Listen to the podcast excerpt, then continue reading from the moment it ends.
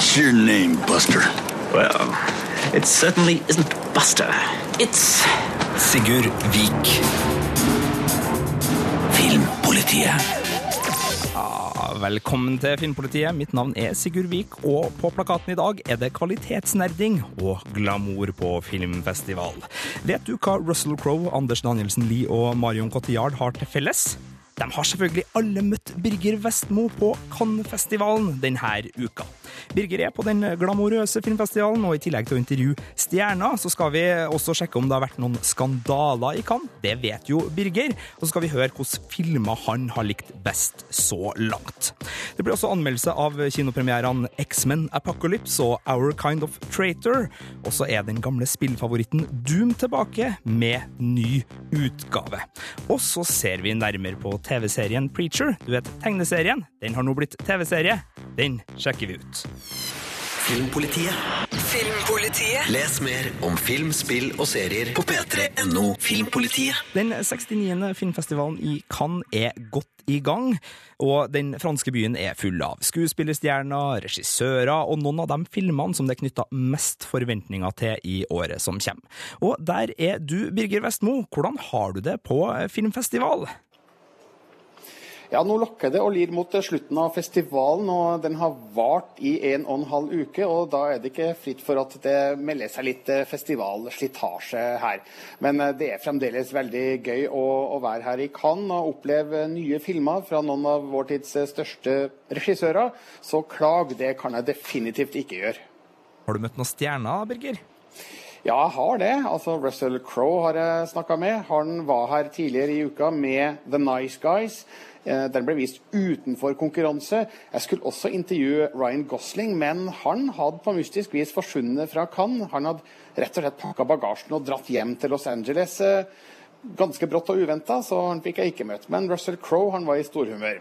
Det samme var Viggo Mortensen, som er her i sideprogrammet Øser tær gard med filmen 'Captain Fantastic', som jeg syns er veldig skjønn og nydelig. Og Viggo Mortensen sjøl viste seg å være en uh, hyggelig fyr med mye smart på hjertet uh, angående filmens uh, tematikk. Jeg har også møtt Marion Cotillard, den franske filmstjerna, som er her med ja, ikke mindre enn to filmer i år, for å være sikker på å, å være med liksom ordentlig da, i Cannes. Og hun satt sammen med regissør Xavier Dolan. og ja, Det er ikke rart at hun har blitt filmstjerne, for å si det sånn, for maken til dame. og veltalende på sjøl de dummeste spørsmål som vi journalister da stiller her nede i Cannes. Hva med skandaler? Har det vært noen av dem? Ja, for så vidt kan vi vel si det. Altså, Litt tidlig i festivalen så var det et fransk eh, internettselskap som fant det for godt å fake en eh, terroristlandgang på det fasjonable hotellet Hotell du Cap med det som så ut til å være bombevester, og den var maskerte og hadde et flagg bak på båten som kun mistolkes eh, for å være et IS-flagg. Så eh, det satt en støkk i gjestene på Hotell Ducap. Ellers var det jo da buing etter filmvisninga av Personal Shopper av den franske regissøren Olivier Assayas, der norske Anders Danielsen Lie spiller en liten rolle. Ikke at det er en skandale, kanskje, men det vitner jo om at eh, det, kan, det kan straffe seg å stille med en litt vanskelig film til publikummet i Cannes, når de synes at det de får servert, ikke er spesielt bra. Eh, den kanskje største skandalen sett med norske øyne er at en norsk filmprodusent ble slått ned på bar av en svensk filmsjef. Eh, det har jo vært en snakkis blant oss journalister her nede. Eh, fylla har skylda, er vel da forklaringa vi har på det. Bortsett fra det så er det vel ikke så mange skandaler å melde, annet enn at Iggy Pop truer med å gå den røde løperen uten skjorte. Filmpolitiet.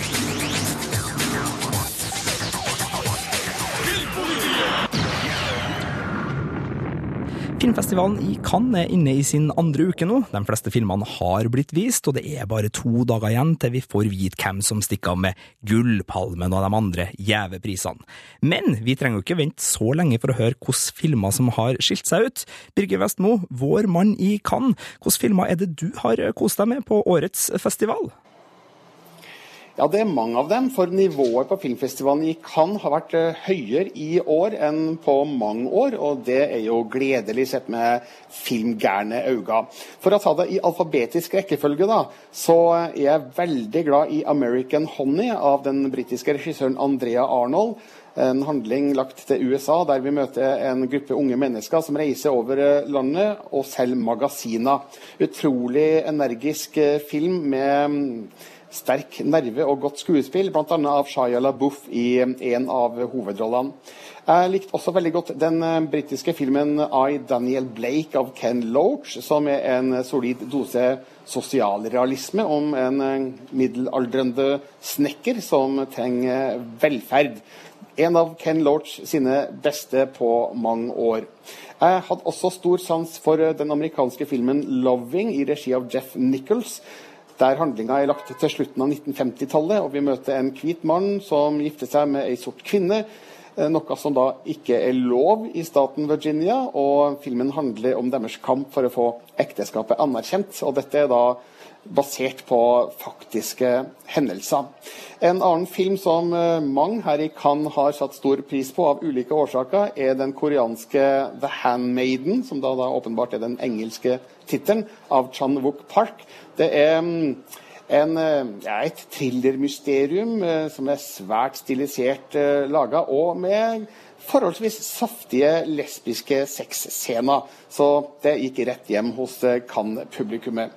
Den siste filmen jeg vil trekke frem, er kanskje den mange har som favoritt til Gullpalmen, nemlig tyske Tony Erdmann i regi av Maren Ade. Her handler det om Winfried, en eh, middelaldrende mann som prøver å få bedre kontakt med sin datter, som er businesskvinne. Og han gjør det ved å kle seg ut som den ganske flashy og morsomme alter ego-personligheten Tony Erdmann. En to timer og 42 minutter lang tysk film som får publikum til å gapskratte. Det er ikke daglig kost her i Cannes, og nå er det mange som eh, tror og håper at eh, den kan være en gullpalmekandidat. Men det er vanskelig å si da, fordi eh, juryene i Cannes kan være forutsigbare. Nei, uforutsigbare, mener jeg. I år er det Mad Max-regissør George Miller som leder an, og han har bl.a. med seg danske Mats Mikkelsen i juryen. Så hva dem syns, ja, det får vi først vite eh, søndag kveld. Da skal Gullpalmen deles ut her i Cannes. Hvordan blir festivalen videre for deg nå? Ja, nå har jeg egentlig bare én film igjen å se i hovedprogrammet, og den går i kveld. Den pressevises da i kveld. Det er den iranske regissøren Askar Farhadis film 'Forushande'. Og um, etter det så begynner det å um, bli tid for meg å pakke sammen og komme hjem. Sjøl om også Paul Verhovens uh, L skal vises uh, i morgen. Den får jeg dessverre ikke med meg. Så um, det var det, og det har vært en lang, fin Cannes-festival. En av de bedre i nyere tid, rent kvalitetsmessig. Det er godt å høre, Birger. Du må kose deg videre i Cannes. Og hvis dere vil følge med på hva Birger gjør der, så er det bare å gå inn på p3.no filmpolitiet. Der ligger det både anmeldelser av flere av filmene han har sett der, og intervjuer med de store stjernene. Og bare hold dere her òg, for det kommer intervjuer med de store stjernene også i Filmpolitiet. Filmpolitiet. Does that sound good to you? På P3. Filmpolitiet anmelder film. I saw the end of the world. I could feel all this death. Jean, it was just a dream. X-Men Apocalypse er en underholdende, men ujevn superheltfilm. Rollegalleriet er fremdeles noe av det best sammenskrudde sjangeren har å tilby, men dessverre er manuset og den helhetlige gjennomføringa på et merkbart lavere nivå enn i de to foregående fortidsfilmene, First Class og Days of Future Past. Som antagonist har mutanten Apocalypse fått et veldig tydelig navn, men det er trist at regissør Bryan Singer ikke gir rollefiguren noen flere karaktertrekk enn en altoppslukende tørst etter gudemakt og jevnlig ødeleggelse av jorda. Rett og slett en skuffende kjedelig superskurk. Together, we will cleanse the earth. Everything they've built will fall! Apocalypse er en særdeles mektig mutant som våkner opp på 80-tallet etter en 5000 år lang hvil. Han innser kjapt at her trengs det en real apokalypse for å skylde jordkloden for svakhet, så en ny sivilisasjon kan vokse fram. Eric, don't join them. Det er jo ikke alle mutanter som er fremmed for den slags tankegods, og Magneto er en av dem som blir med på Apocalypses sitt lag. Men det finnes håp, og våre unge venner, under ledelse av Charles Xavier, tar opp kampen. Not all of us can control our powers. Then don't. Og de er så absolutt klar for oppgaven. Spesielt Sophie Turner, kjent fra Game of Thrones, som spiller Jean, og Cody Smith McPhee, som spiller Nightcrawler, er fengende tilskudd til X-Men-gjengen. You are all my children. And you're lost. Det mangler ikke på voldsomme ødeleggelser og dramatiske slagsmål utover i filmen, men den store spenninga uteblir. Det blir både for forutsigbart og ensformig. Apocalypse blir bare en veldig vrien siste boss som må beseires. Og når de beste og mektigste av mutantene stort sett bruker dirrende håndbevegelser og intense blikk til å kanalisere sine superkrefter, så ender vi opp med en statisk og ganske langdryg actionsekvens som skal avgjøre det hele.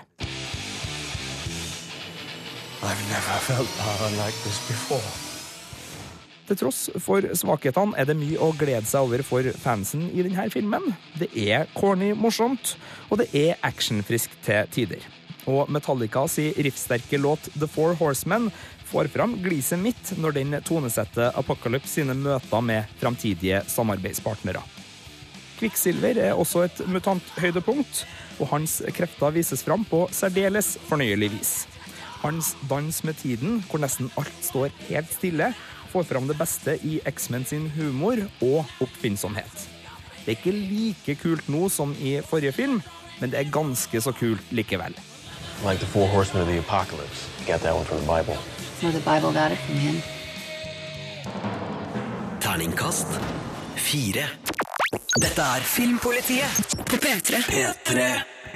Filmpolitiet anmelder TV-serie. What do you want, kid? I want you to hurt him. Things will escalate. That's what these things do. They escalate. And violence makes violence. Makes nothing much at all. No. Almost done, Sheriff.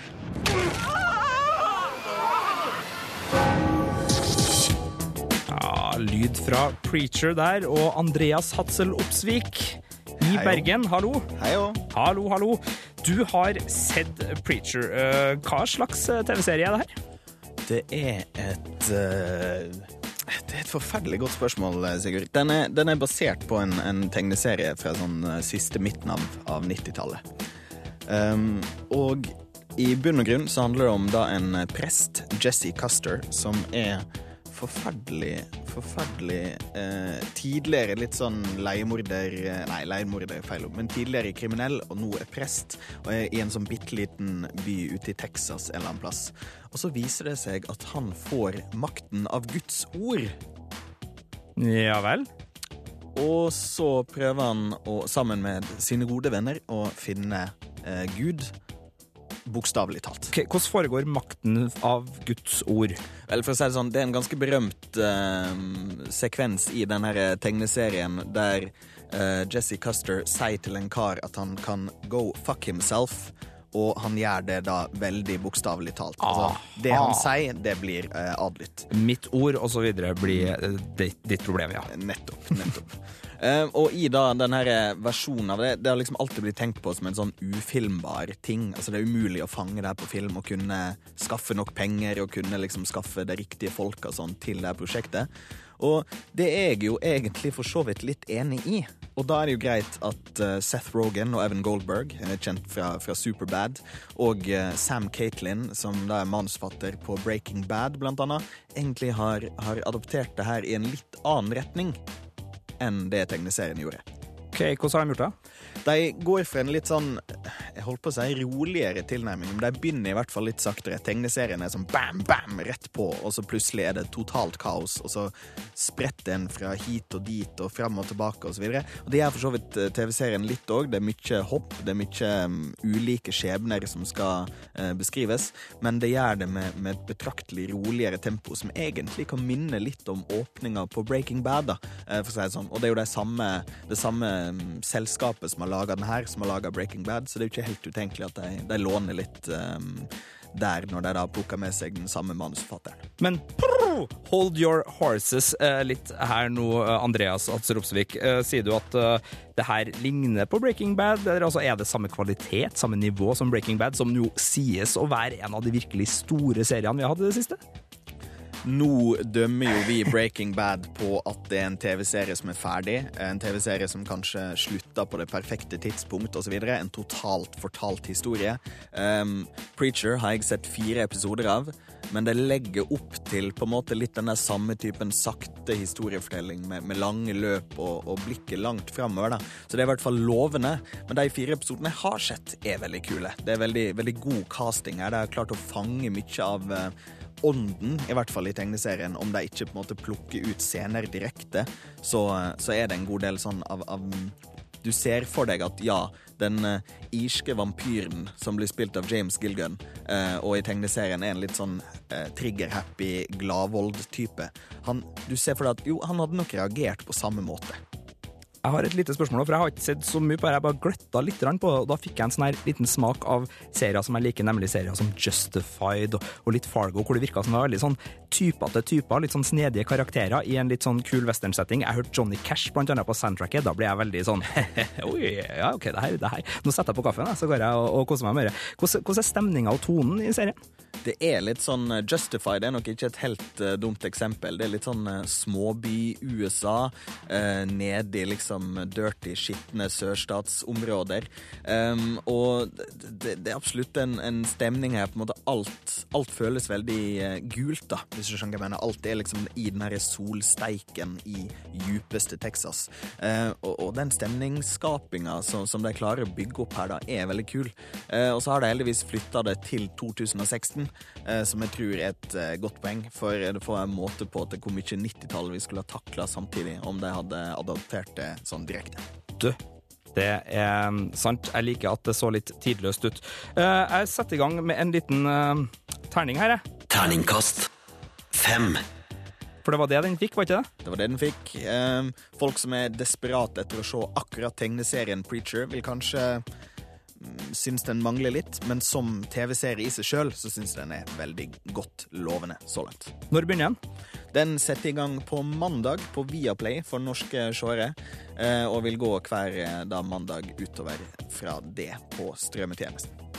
Da vet vi det. Filmpolitiet med Sigurd Vik. Vår mann Birger Vestmo er jo på filmfestivalen i Cannes, sammen med skuespillere av ypperste stjernekvalitet, men også norske skuespillere av ypperste eh, kvalitet. Det var ikke noe kvalitetsvurdering der, altså mange stjerner, rett og slett, blant annet Anders Danielsen Lie, kjent fra filmer som Herman, Reprise, Oslo 31. august og TV-serien Mammon. Nå er han den eneste nordmannen i hovedprogrammet på filmfestivalen i Cannes, med en liten rolle mot Kirsten Stewart i filmen Personal Shopper. Anders var også i Cannes for fem år siden, med Oslo 31. august, men da i et eh, sideprogram, og nå som han er med i, ja, kall det hovedfeltet, så merker han det godt. Ja, den største forskjellen er at uh det er mye mer glam.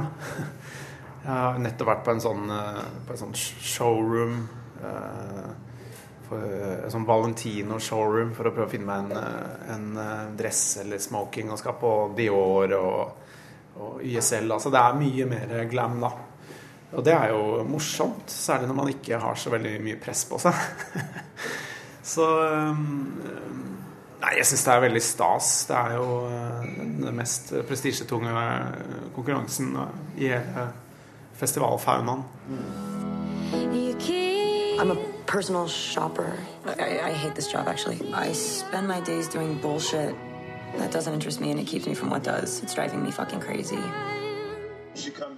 Hva var det som gjorde at du bestemte deg for å lete utenlands etter nye filmroller? Det, ja, den avgjørelsen har jeg vel egentlig aldri tatt.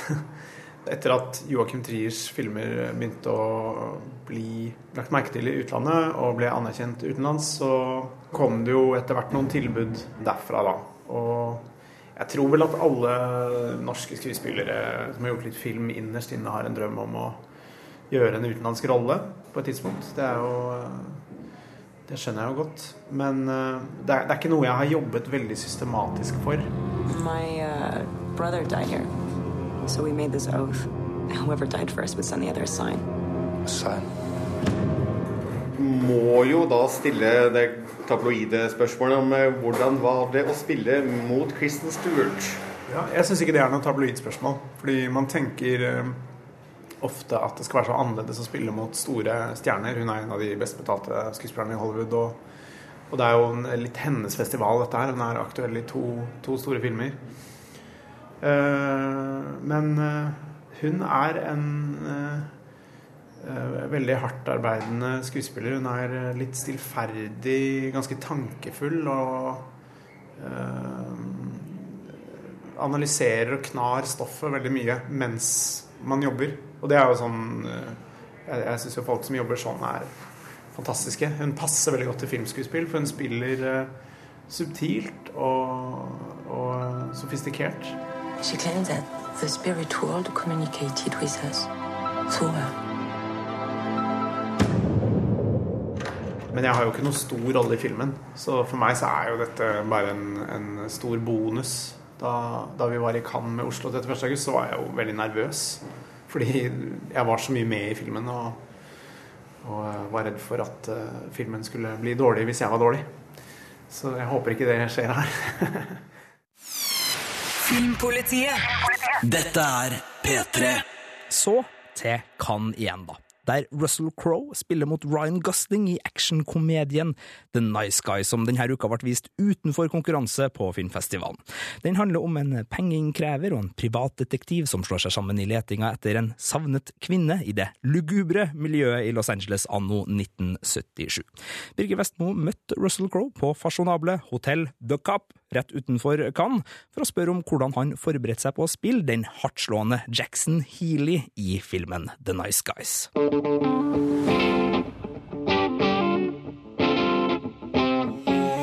You're a private investigator? My profession is very complicated, okay? It's nuanced. So, you play Jackson Healy in The Nice Guys. Can you tell me about who who is he really? Well, we don't really know a lot about Jackson's past. uh, if you're an American, though, you do know he's dislocated from where he comes from because he obviously doesn't sound like he's from the West Coast. Um, currently, he is a debt collector. He has aspiration to be something else, but he doesn't know what that's going to be. And he has um, a deep need to feel useful. You beat people up and charge money? Yeah. Sad, isn't it? How much would you charge to beat up my friend Janet? What? How much you got? 30 bucks? Did you draw inspiration from any other hard-hitting characters from movie history? Uh, not necessarily from movie history, but um, there's a few characters from sort of uh, detective TV from the 70s, like Cannon and Telly Savalas and Kojak and things like that, where, you know, particularly with Cannon, actually, he was a big guy, but he was actually quite graceful and light on his feet. He was quite capable, you know. So, you know, I was looking at the situation was going to be me and Ryan paired up. It was like it, it's a obviously a comedic duo. So, you know, I looked at what other famous comedic duos have been, and, and for the most part, there's always a marked physical difference between the two of them. You know, whether it's Laurel and Hardy, whether it's Abbott and Costello, whether it's uh, Bing Crosby and Bob Hope, whether it's uh, you know Gene Wilder and Richard Pryor. There's always a marked physical difference. So I discussed that with Shane and and uh, you know emphasised that a little bit. You know, um, but this this is not the type of movie that you do extensive research on. You know, this movie is all about being present and in the moment between action and cut. She's in danger, man. We have to do something about it. She's dead. She's not dead. She's, she's not dead. I feel there's a relation between the nice guys and, you know, the films that Shane Black scripted in the late 1980s, uh, like Lethal Weapon, you know, the buddy cop comedy. Well, I've had the same experience that a few other people have had too, that where you get the opportunity, uh, if you get the opportunity to read the original uh, Lethal Weapon script, and it's a lot darker than the movie turned out, you know. But this is a Shane Black script directed by Shane Black, so I think it's uh, a lot closer to his true intentions. You know? But uh, is he very specific about his script, or no? He's very open, man. You know, I think he's been in the business long enough to have developed an understanding about you know how the alchemy can be assisted. You know, um, and one part of that is making sure you hire actors that you can trust. Uh-huh. You know, trust to stay within the spirit of what you're intending. You know, because if you if you try to micromanage every word of a script like this, that's not going to be an environment where people can be funny. You know, you need to be a little bit freer. You Seen this girl? What's in it for me? Oh, we can do this the easy way. We're currently doing it the easy way. Whatever happened to offering me 20 bucks? I read that you signed on after Ryan Gosling already had signed on. No, it's the other way around. It's the they other were way. talking to me first, Ah. and I was just not completely sold on the idea. I liked the script. I liked the density of the narrative. I, I liked what he was intending to do. Then I got one of those studio lists. These would be the people that you would be opposite in this movie. And I read that list, and they, none of those people seem right for this. You know, there was a kind of a contemporary edge to all the things that they'd done, and and you know they'd worked in comedy, but there wasn't an indicator of gravitas. You know, and you still need that with these characters. You still need to believe in these characters. As absurd as the narrative gets, as silly as and, and trivial and as funny as it gets, you still need to believe in, in the characters completely, or it's not funny. You know, so I was sort of you know, I looked at that list and I was like, oh, okay, well, I've read something into this that is not really there, obviously, if that's the list that they're sending me. So I called my agent and I said, look, man, don't express any interest in this because I, you know, I I don't think it's going to be the thing that I thought it was. And he was like, mate, Shane Black's already on a plane to come to Australia to see you. What are you talking about? He got on the plane. He heard, you know, that you liked the script, so he just got on a plane. I'm like, this is going to be so embarrassing, you know. So I had this plan, you know. He'd arrive instead of meeting at a hotel. I'll just I'll bring him to my my house where I live, you know, and offer him a drink. I'll ask him how he'd like his steak, and then you know when he's relaxed and everything, I'll give him the bad news, you know. So he comes in, and I said, um, "What would you like to drink?" He says, "I don't drink." I was like, "Man, that's my plan." That's like that's ninety percent of my plan. You need to be drinking to hear this bad news, you know. So I was like, "What do you mean you don't drink?" You know, and he said, um, "What was the word he used?" I have a um, affliction or whatever, alcohol. One drink, and I break out in handcuffs, which was funny, you know. Uh, and I said, "Well, look, I've got to tell you, man, you know." And I started to say, you know, and he said, "Look, can I just tell you something first before you continue?" I said, "All right, "Go ahead." You know, he's the director after all.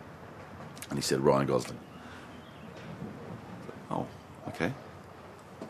How would you like your steak? And that just changed the nature of the evening, you know.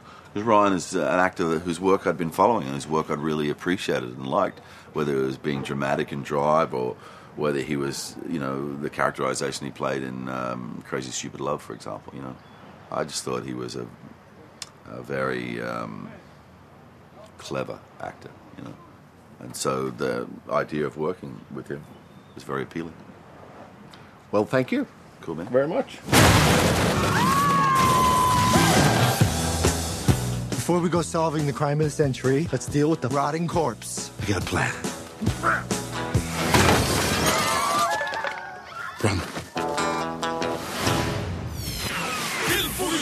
Filmpolitiet. På P3. It's Just The End of the World det er en av filmene som deltar under årets filmfestival. Den handler om en ung mann som reiser tilbake til familien sin for å gi dem en alvorlig beskjed, men møter uventa aggresjon.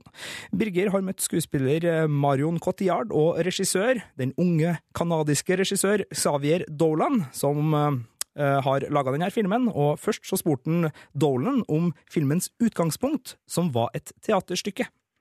Well, I guess it just really touched me, and uh, I loved how the characters were uh, human beings with uh, f- flaws, and and, uh, and I, I thought this would be the, the I thought the texture of these characters and the all the complexity and the contrasts of these characters would provide actors with a very nice, a very maybe, hopefully a very inspiring vehicle to get inspired and, and act, because this is an actor's movie, uh, obviously. Marion, you play Catherine, and she is a different kind of character than we are used to seeing you in, like a mumbling, stuttering kind of uh, person. Who is she when we meet her in this film? She's a wife who wants to protect her family. She wants to protect her man from himself. And at the same time, she's very, very moved by what's happening that day. She's um, very moved for her husband to reunite with this brother that is kind of a ghost in their lives. She's a very loving person. And what I love about her is that she doesn't really judge people.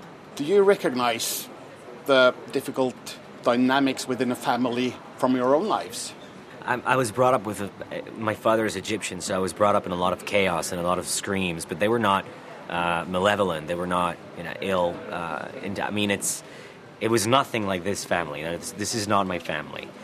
But I can feel compassion and under, and, and, and I comprehend. I understand what the the mother is going through and what the son is going through and what the sister is going through and what the, the it, it, there there is a bit of a, of me in, in all of these characters, which is why I thought I was so intrigued by the play because I knew I could put a little a little of my own life and my own past in it. You know, even if it's a 50 something women or uh, it doesn't really matter, I can still put a little bit of, uh, of intimacy in a uh, in a film, but uh, it's not my own my own life. But I understand that people don't listen to each other. Uh, why can family relations sometimes be so difficult, Mariam? Because I think that we haven't yet understand that we're all connected. I think the fear that we all live in, especially in our society, and I think humanity is is a very young kid but even kids are not that disconnected, as disconnected as people in our society are. So, therefore, it's really hard to connect with people when already inside of most of us on this planet there's a connection that has not been found, that has been lost and not found again. Dette er Filmpolitiet. Filmpolitiet på P3. hvor det er på tide med litt nyheter. Og Andreas Hatzel Opsvik, du har nyhetsbunken med, har du ikke? Du, her sitter jeg med en liten uh, lite lass med Vel, nyheter. Veldig rart. Hva, hva føler du liksom uh, legger seg på toppen av det lasset? Hva, hva, skal vi ta først der? På toppen så ligger det en aldri så liten nyhet fra Financial Times, som har fått et innsyn i uh, et forslag til fremtidige EU-regler for uh, kringkasting. Uh, og det høres ut som en fantastisk begynnelse på en nyhetshistorie. sånn utgangspunktet. Jeg skal bare legge meg til litt godt her med i pute. sånn at jeg... Nei, men her er altså er greien. EU foreslår, eller har tenkt å foreslå at strømmetjenester, internasjonale strømmetjenester som holder til i Europa, skal ha 20% europeisk innhold. OK, det er jo Det kan jo bety ting for enkelte av de vi ser veldig mye på, kan ikke det? Det kan jo fort det, og Netflix protesterer jo nettopp med at uh, det her uh, kan jo bety at strømmetjenester rett og slett kjøper billig europeisk innhold, og det blir det, på en måte. Det kan uh, endelig den kortfilmen vi laga få Nei. Ja, Sånne land, UKM landsfinale-kortfilmer går som varmt hvetebrød i internasjonale strømmetjenester ut fra der. Nei, Ikke et vondt ord om dem, de er kjempebra. Ja. Nei, jeg, jeg har kommet kan... til landsfinalen på UKM, så ingenting vondt i det hele tatt. Det kan uh, altså ha påvirkning på type Netflix av de her som da er nødt til å rigge bibliotekene sine rett og slett for å tilfredsstille kravene om å ha så og så mye europeisk innhold. Så og så mye europeisk innhold, og i tillegg òg vise fram det her på forsidene sine osv. Så, videre. uh, så det kan, jo, det kan jo faktisk få litt å si. Uh, og så kan jo enkelte andre prøve å kritisere det for at det er mulig at det er litt sånn overaktiv kulturell eh, påvirkning. Men uh, hvem veit? Vi er jo glad i eh, lokalt innhold, stort sett. Jeg er glad i det, og jeg kan jo med hånda på hjertet si at jeg er ikke imponert over på en måte det der ekstrastoffet som ligger på Netflix bestandig. Der er det mye ymse som godt kan få seg en uh, liten uh, shine, det. Originalinnholdet er én ting, men det er jo mye eksternt der som det går an å rydde litt i. Videre i bunken. Ja, eh, så har det nylig kommet nyheten om at eh, det nå eh, ulike sånn tippetjenester har slutta å la folk satse penger på hvem som blir den neste James Bond. Eh, Og det er hovedsakelig fordi det er én spiller som tidligere i uka satsa et enormt eh, pengesum på at det var Tom Hiddleston, kjent som Loki i Avengers, som kom til å bli den neste James Bond. Jeg likte jo han veldig godt i The Night Manager, som var årets påskekrim på TV2. Hvor det er en, en TV-serie av John Le Carrés bok, med blant annet Tom Hiddleston da, som ja, skal vi si, helten i denne spionhistoria. Jeg skrev en anmeldelse av den hvor jeg også trakk fram at det så litt ut som James Bond, så det, det trenger ikke å funke så dårlig, det. Men jeg bare lurer på en ting. Er ikke det bare en sånn veldig fin greie hvis du har en kompis med masse penger? som du, setter masse penger på meg, så legger vi litt press på, på folk her. Så, så blir det liksom sånn selvsagt at jeg skal ha han. Jeg hadde jo håpa litt på Idris Elba. da. Ja, han er jo fremdeles en av de som, som på en måte det er gode odds for, men eh, det er jo Hiddleston har jo tidligere sagt at nei, eh, det er ingen som har spurt meg om å bli James Bond, men så visstnok Visstnok etter på en måte oppmerksomheten rundt Night Manager, så, har det blitt, så skal han blitt observert da han Tom Hiddleston sammen med Bond-regissøren Sam Mendes og Barbara Broccoli. Så det er jo akkurat det som har skjedd. Ja, men nå leser ikke du fra Financial, Financial Times lenger. Nå føler jeg at vi er mer over i kanskje ryktebørsen enn nyhetssegmentet her. Eh, Det kan være jeg er på vg.no sin, eh, sin rampelys-nettside, og det er okay. da, nemlig ja. The Telegraph som melder her, så jo, vi er nok litt ja, okay, inne i sladderbørsen. Mulig overhørt der. Um, det er vel også en liten TV-serienyhet vi ønsker å dele med det glade folk der ute, ikke sant? Du, det er mange Det, det er mye jeg kunne ha plukka fram her, men det er jo absolutt uh, Returen til MacGyver. Han er på vei tilbake. Nettopp. Vår eh, hockeykledde helt eh, blir nå eh, ny TV-serie fra CBS. Og det er i prinsippet en sånn forhistorie til hvordan denne organisasjonen som, som han er med i, blei skapt, kan det virke som. Med da MacGyver som en sånn um, kar som har klart å komme seg ut ifra å være kidnappa av terrorister. Og det er jo veldig eh, moderne, eh, aktuelt, i tiden. Uh, nuet. Men jeg må jo helt, helt alltid innrømme at den traileren, som du òg kan uh, finne inne på p3.no filmpolitiet, var ikke nødvendigvis veldig lovende. Nei, men han bruker en gummislange til å spenne foran ei trapp, sånn at folk snubler inn, og det skal du ikke eh, kimse av, altså, Andreas. Nei da. Nei, nei, nei. På ingen måte. Men, men eh, det er lagd av CBS, som er de samme folka som lager CSI, og det er jo nettopp de på en måte um, vibbene jeg, jeg i hvert fall får av denne traileren. Spist kjempemye frossenpizza til serier de har laga før. jeg. Ja, sant. Og Ja. det, det er jo um, Det kan godt være det er underholdende, men jeg, må ikke, jeg kan ikke si at denne traileren virker veldig i MacGyvers ånd, da, om eh, ikke annet. Filmpolitiet på P3. Filmpolitiet anmelder spill.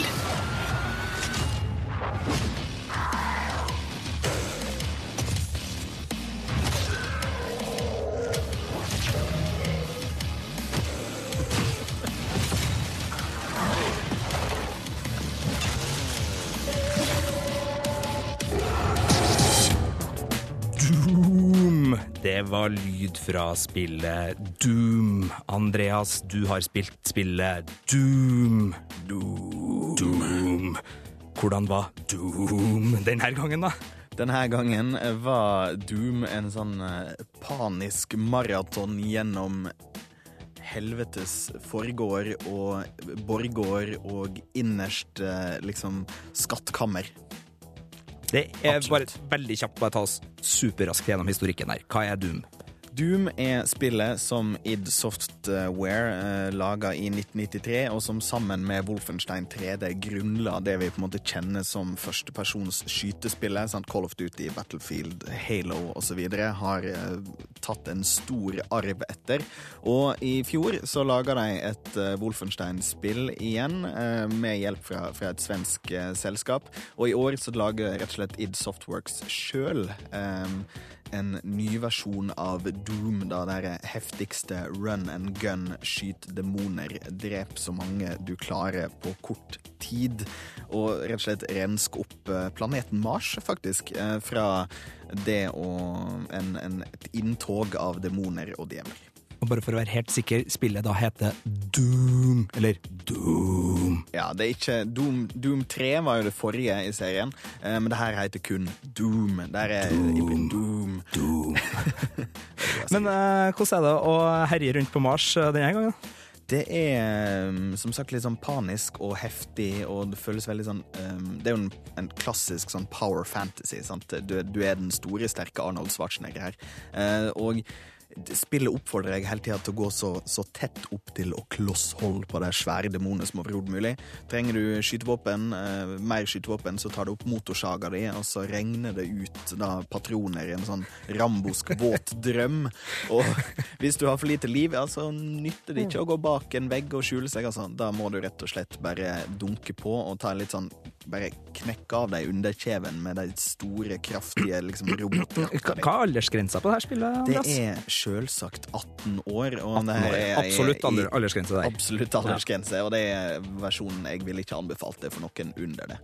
Um, det hvem, hvem vil du anbefale det til? Jeg vil anbefale det som, for de som er litt sånn på jakt etter noe nostalgi, og de som holdt på å si, ikke bryr seg om historier i det hele tatt. For det er et spill som det, altså, det, det, har en historie, men det hadde nesten ikke trengt det. Det er en sånn klisjérunde gjennom masse sånne Power Fantasy-troper eh, med sånn en kult og en ond organisasjon og en stille helt osv. Helten han bryr seg egentlig ikke om historien sjøl engang. Han, av og til så bare slår han av kommunikasjonen hvis han er lei av å høre på folk eh, som forteller om plottpoeng og sånn. Eh, så det her er Um, hardt og dumt og rett på, liksom drilla gjennom demoner, satt til sånn heftig industri, tungmetallmusikk eh, som bare borer deg tvers igjennom. Ah, da spiller jeg av eh, terningkastet. Terningkast fire. Ja, er ikke gærent, det? Nei. Litt gjentakende og litt sånn småting å plukke på her og der, syns jeg. Med litt sånn tempo, rytme, rare greier. Men uh, bortsett fra at det er gjentakende, så er det liksom bare drill på, skyt, gå gjennom. Spillet er altså ute allerede, og hele anmeldelsen til Andreas den finner du hvis du går på p3.no skråstrek filmpolitiet. Filmpolitiet.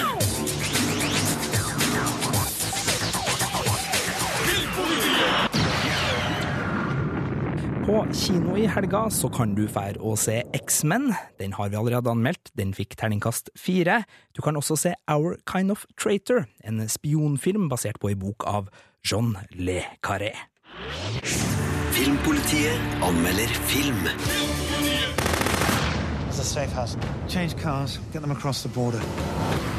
Our Kind of Traitor er en tam sjangerfilm som skjemmes av ujevne skuespillerprestasjoner og en avslutning som roter bort spenningstoppene.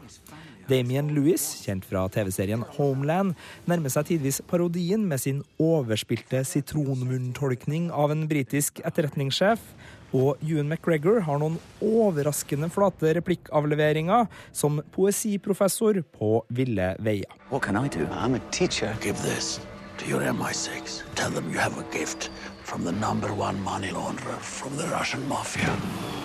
Svenske Stellan Skarsgård redder noe av dagen som livsglad russisk avhopper, men ut fra stjernegalleriet som er med, og plottpotensialet, så er det her en skuffende spionfilm. Can't stop thinking about him.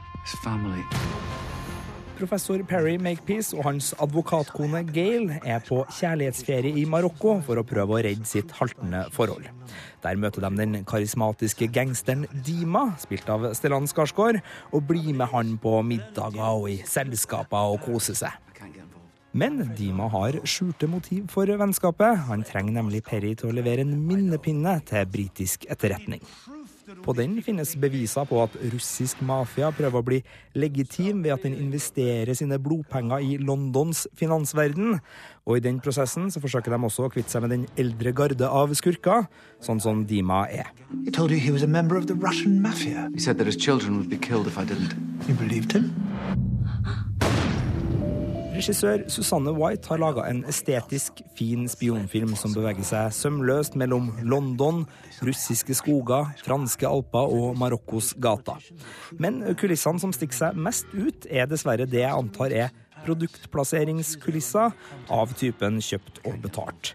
Filmen bruker lang tid både på Arsenal sin hjemmebane Emirates i London og på Einstein-museet i Bern. Begge de her sekvensene er så stappa med logoer at de framstår kunstig i filmens fiksjonsunivers. Nesten som små reklamefilmer mellom slagene. A list of names isn't enough. I need proof that all these people are being paid. You get my family to England, I'll tell you everything. The Home Office doesn't offer asylum to criminals. Our Kind of Traitor får ikke fram det spenningsforholdet som ligger i filmens tittel. Dima er egentlig ikke en forræder. Han er bare en mafiaskurk som er ute etter å redde sin egen familie og sitt eget skinn etter at han får sin dødsdom av russerne. Og det er jo å flykte, ikke å få råd.